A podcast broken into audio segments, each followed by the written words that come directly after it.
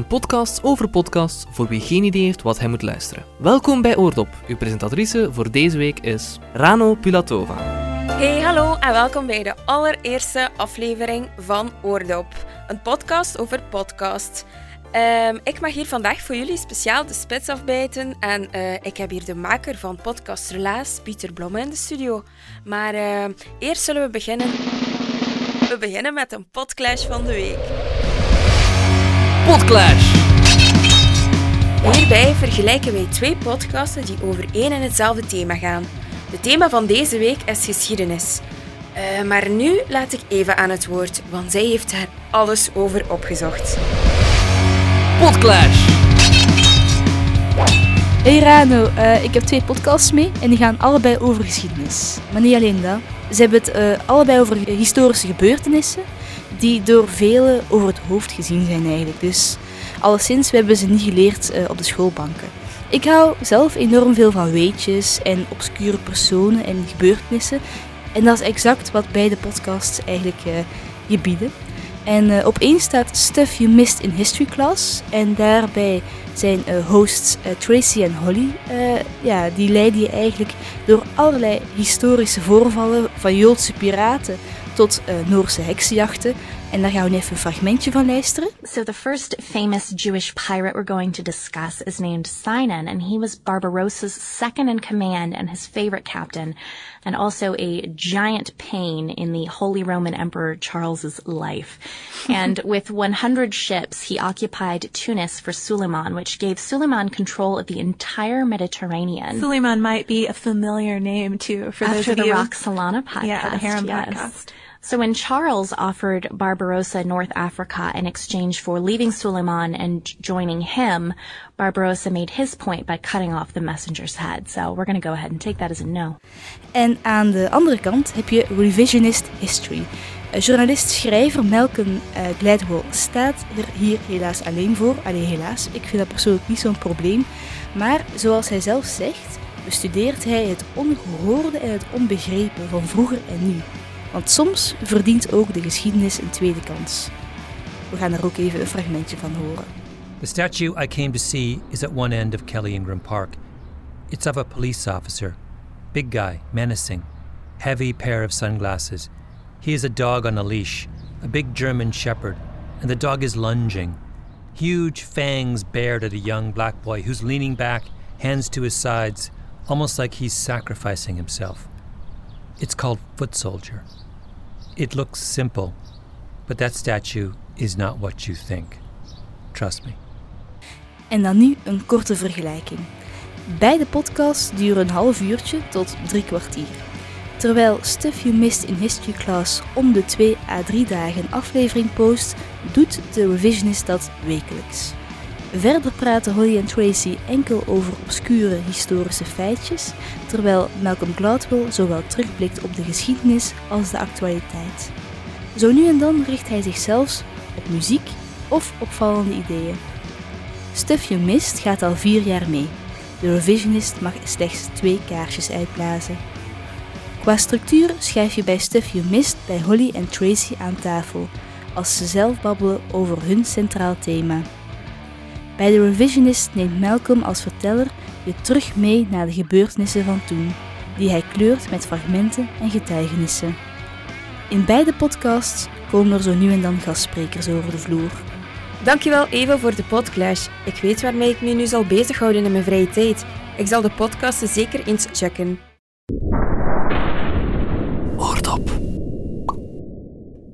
Ziezo, dag Pieter. Hey. Hoe, gaat het met jou? Dag Rano, het gaat heel goed met mij. Ik wil je allereerst bedanken om uh, dit interview te doen natuurlijk.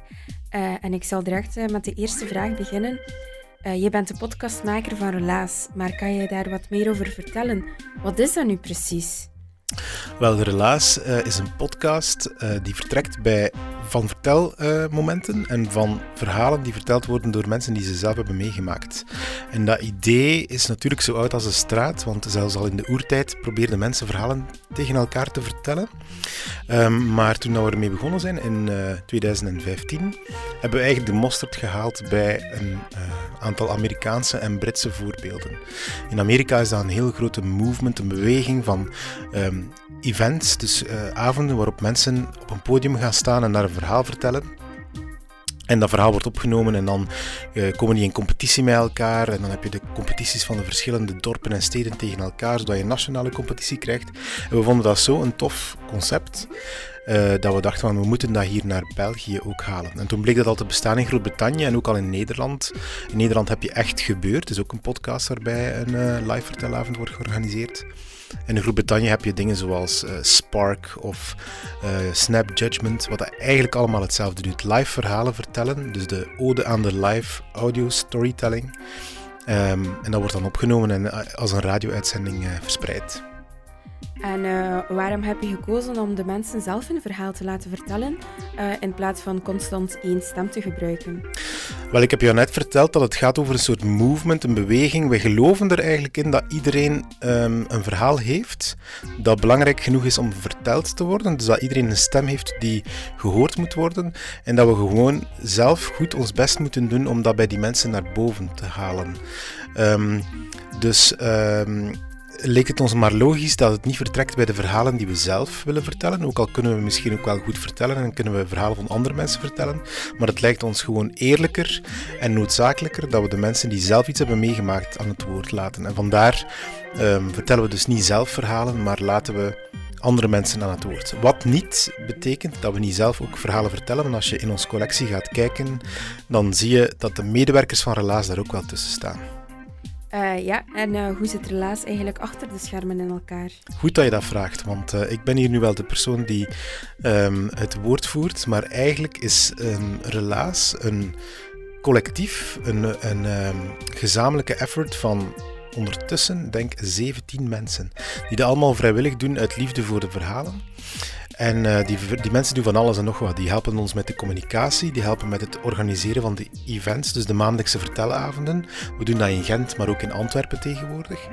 Um, maar um, er zitten ook een heel aantal mensen tussen die helpen coachen. Dus de coachen, dat betekent, als je zelf met een idee zit voor een verhaal of zelf een verhaal wil vertellen, dan kan je uh, dat bij ons laten weten en dan krijg je een coach toegewezen. En die helpt jou om structuur te brengen in jouw verhaal, om te weten wat je wel of niet moet vertellen, hoe dat je het moet vertellen, hoe dat je dat moet kruiden met peper en zout, zodat het een smakelijk verhaal wordt. Um, daarvoor heb je gewoon veel mensen nodig die, daarin, die daaraan meehelpen. En we zijn ondertussen met 17 mensen die ja, maandelijks in samenkomen, maar achter de schermen er dagelijks mee bezig zijn. Als de mensen zich kandidaat stellen om hun verhaal te vertellen, uh, hoe screenen jullie die mensen dan? We krijgen um, af en toe vragen, mensen die via de via de website zich kandidaat stellen om een verhaal te vertellen, maar vaak komen daar niet zo heel goede verhalen uit. Het zijn meestal mensen die op zoek zijn naar um, een platform of aandacht. Um, soms zitten daar echt goede pareltjes tussen, maar meestal komt dat niet zo goed. Dus we zijn uiteindelijk vroeger gestart met onze vrienden uit te nodigen voor een verhaal, dan vrienden van vrienden, dan vrienden van vrienden van vrienden. En we zitten ondertussen in de situatie dat er wel altijd nog ergens een link is met een van de mensen in het team.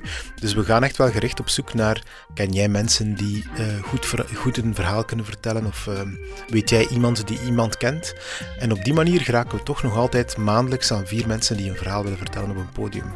En ik denk als we zo zes of zeven coachen per maand, dat er daar dan vier goede verhalen uitkomen. Dus we blijven die ook wel coachen tot we weten dat er een goed verhaal in zit. Uh, Oké, en is er iets waarin relatie zich onderscheidt van de Nederlandse en de Amerikaanse verhalen? Um, niet alleen de manier waarop de podcast wordt gemaakt, maar ook de verhalen zelf. Dus um, in uh, Nederland bijvoorbeeld um, werken ze heel vaak met cabaretiers en met schrijvers en met acteurs, omdat ze daarvan weten dat die sowieso een goed verhaal kunnen vertellen. Echt gebeurd is ook een echte ode aan de vertelkunst. Wij zijn dat iets minder. Wij vertrekken iets meer vanuit de overtuiging dat iedereen een verhaal heeft dat moet gehoord worden en dat we dan maar goed moeten coachen en dat dat verhaal niet perfect moet zijn. En in Nederland hebben ze ook nog eens um, um, tienerdagboeken waaruit voorgelezen wordt. Dat hebben wij uh, hier bij ons niet. Uh, in Amerika um, hebben ze dan weer uh, story slams, heet dat. Dat zijn zo van die avonden, vertelavonden, zoals dat wij ze organiseren. Maar iedereen die dan komt luisteren, is eigenlijk ook een potentieel verteller. Dus die komt toe op die avond, die steekt zijn naam in een hoed en uh, de host van de avond, dus de cabaretier, trekt namen uit de hoed en die mensen moeten dan naar voren komen en een verhaal vertellen. Dus dat is wel een heel andere manier van storytelling dan dat wij doen. En om jou, op jouw tweede vraag te antwoorden, zijn die verhalen ook anders? Wel, eerlijk gezegd heb ik daar niet zo'n heel goed antwoord op, maar um, ik denk dat je ook wel aanvoelt of weet dat Amerikanen veel flamboyanter of veel minder geremd zijn dan Vlamingen. En eigenlijk is dat een beetje hetzelfde met Nederlanders. Die zijn vaak veel meer ad rem en laten zich makkelijker gaan of zijn ook vlottere verhalenvertellers. Dus ik denk dat wij in Vlaanderen vaak meer de moeite moeten doen om er een goed verhaal uit te halen. En dat de mensen die vertellen wel altijd zo'n beetje timide zijn of een beetje uh, bescheidener zijn. En uh, kan je even kort schetsen welk verhaal je het meest is bijgebleven? Het is moeilijk om um, in die collectie van verhalen het beste eruit te kiezen. Want er zijn heel veel aspecten dat ik aan het ene verhaal leuk vind en dan andere aspecten aan het andere verhaal. Uh, maar een verhaal dat mij is bijgebleven, niet omdat ik het zo goed vond, maar omdat het zoveel betekend heeft voor Relaas, is het verhaal van Jan de Kok. En Jan de Kok vertelt over um, zijn moeilijke periode in zijn leven, een depressie die erop volgde, um, uh, problemen met de suïcidale gedachten en hoe hij uit dat dal is uh, weggeraakt of hoe hij uit dat dal is ontsnapt. Nu op zich was dat verhaal niet zo bijzonder of niet zo speciaal. Het was wel mooi verteld en zo. Um, maar dat verhaal heeft ervoor gezorgd dat ik een paar maanden geleden een telefoontje kreeg van iemand die zei echt letterlijk, ik heb uw, dat verhaal van Jan de Kok geluisterd, beluisterd. Ik heb zelf suïcidale gedachten gehad, maar dat verhaal heeft er mij boven gebracht. Dat verhaal heeft ervoor gezorgd dat ik het niet gedaan heb. Ik heb er kracht uit gewonnen. Uh, ik ben doorgegaan met mijn leven. En weet je wat? Ik wil nu iets speciaals terug doen voor u. Um, wat kan ik doen? En ik vond dat zo mooi, dat ik dacht van, tja, hetgeen waar we mee bezig zijn, wat we eigenlijk een ode aan de storytelling of een ode aan verhalen vertellen noemen, en waar we als hobby mee bezig zijn, kan toch zo'n zware impact hebben op het leven van iemand. En dat vond ik, daarom vind ik het zo'n bijzonder verhaal. En uh, dat verhaal kan je terugvinden op Soundcloud en op de website, veronderstel ik. Ja, alle verhalen zijn gebundeld op onze website, relaas.be. En daar kan je gewoon willekeurig een verhaal um, aanklikken.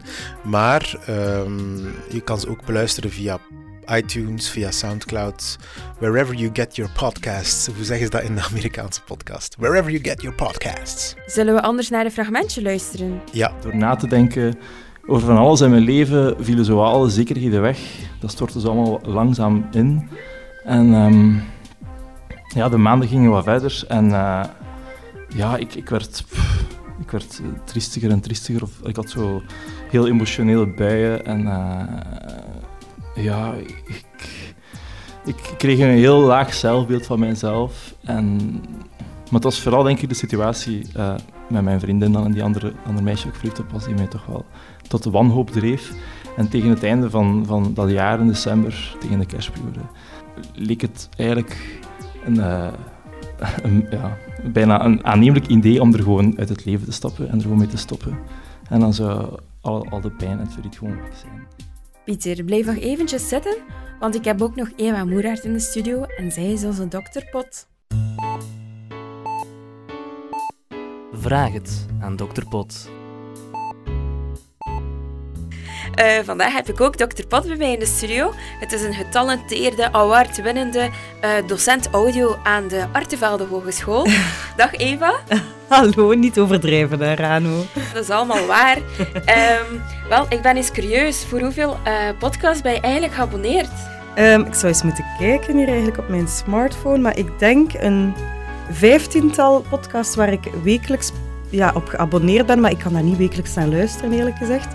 En dan heb ik hier zeker nog tien waar ik niet op geabonneerd ben, maar waar ik soms eens naar luister. Ik probeer eigenlijk, ehm, als ik ga lopen en als ik in bad lig, naar een podcast te luisteren. Dus dat is ongeveer drie à vier keer per week. Ah, eh, dat is tof om te horen. Ik kan zeker niet uh, naar zoveel podcasts luisteren. Ik heb daar ook totaal de tijd niet voor. Uh, maar eigenlijk hebben we jou in de studio geroepen om een vraag te beantwoorden. Een vraag van de luisteraar. En we zullen er even naar horen. Hè? Ja. Dag dokter Pot. ik ben op zoek naar iets, iets luchtig, want ik ben nog maar net beginnen luisteren naar podcast en iets, iets Nederlandstalig. Hebt u misschien een tip voor mij? Ziezo, uh, kan je daar een antwoord op geven? Ja, iets licht en iets om te beginnen. Um, een van mijn favoriete podcasts die ik aan mensen aanraad die net beginnen luisteren, is um, het leven een gebruiksaanwijzing. Dat is een podcast van de VPRO. Dus die kan je vinden als je gaat zoeken uh, in je podcast-app bij Het leven een gebruiksaanwijzing. En um, het is eigenlijk een, een, oude vrouw van in de tachtig die de podcast presenteert. En ze zegt zelf, ik heb alles al meegemaakt in mijn leven. Dus die is echt geweldig. En elke aflevering heeft een ander thema. En rond dat thema zijn er dan reportages, verhalen opgenomen eigenlijk. Uh, en die worden door elkaar gemonteerd. Het is een heel rustige, meestal grappige, soms ontroerende podcast. En uh, het doet, uh, doet je, ja, het geeft je goesting om meer te luisteren. Dus ik denk dat dat mijn tip is voor vandaag. Ja, ik ben ook nu al benieuwd. ik zal vanavond eens naar luisteren. Ik zal meedoen met de luisteraar die de vraag heeft gesteld. Ja. en ja, dank u wel voor uw uitleg. Tot volgende week, hè? Ja, tot volgende week. Oordop. We staan hier weer terug met Pieter in de studio. Vertel eens, uh, heb je nog andere podcasts waar je graag naar luistert? Ja, um, ik denk dat ik ongeveer 20 podcasts per week probeer te beluisteren, wat dat heel veel is. Um, ik ben er op misschien 100 ingeschreven, wat dat veel te veel is. Um, maar wat ik week na week opnieuw beluister is um, uh, This American Life. Dat is een heel cliché antwoord, want iedereen kent die podcast of iedereen moet die podcast wel eens beluisteren. Maar dat is gewoon omdat die net zo goed is. Hoe heet men dat? De, de, de podfather of, uh, of all podcasts of zoiets. Dus This American Life. En um, daaruit voortgekomen, een van de producers van This American Life heet Jonathan Goldstein. En Jonathan Goldstein heeft dan weer zijn eigen podcast uh, gemaakt, een reeks gemaakt vorig jaar.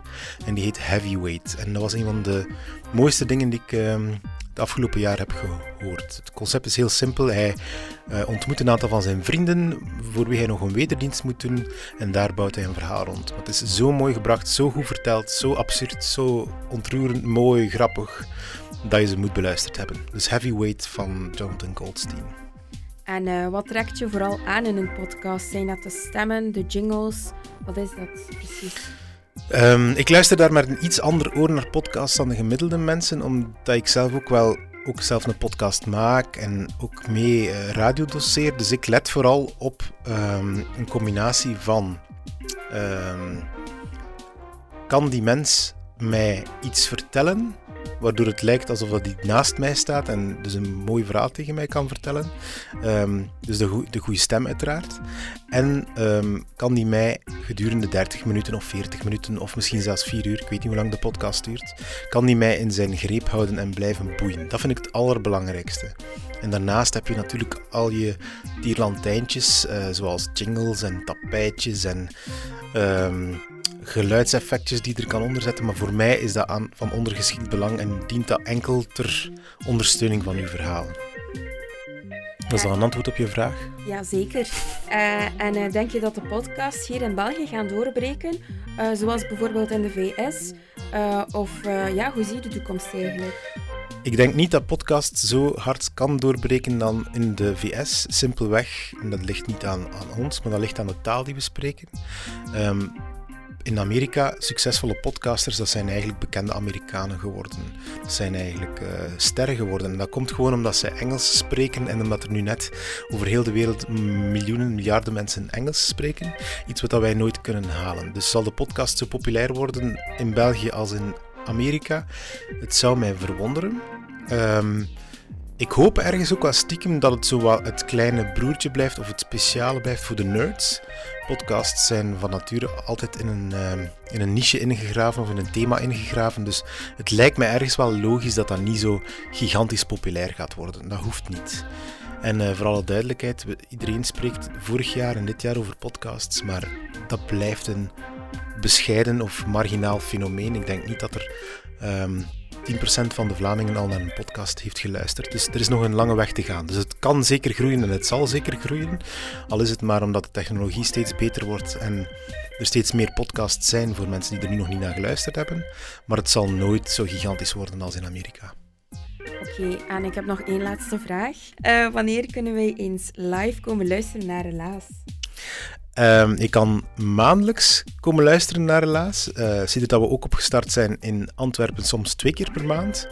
Um, de data weet ik helemaal niet van buiten, maar kan je op onze website terugvinden. Dus we zijn in oktober twee keer um, aan de slag. In november is er een, uh, in Gent een vertelfestival in Gentbrugge waar we aan deelnemen. Uh, het heet Backtracks, ergens eind november. En in december, uh, eh, 2 december, organiseren we samen met een hele hoop andere podcasts een festival. Een podcastfestival. Dus voor mensen die met podcast bezig zijn, en ik denk dat het luisterpubliek van jullie podcast is dat zeker, en jullie ook allemaal, schrijf dan maar in jullie agenda.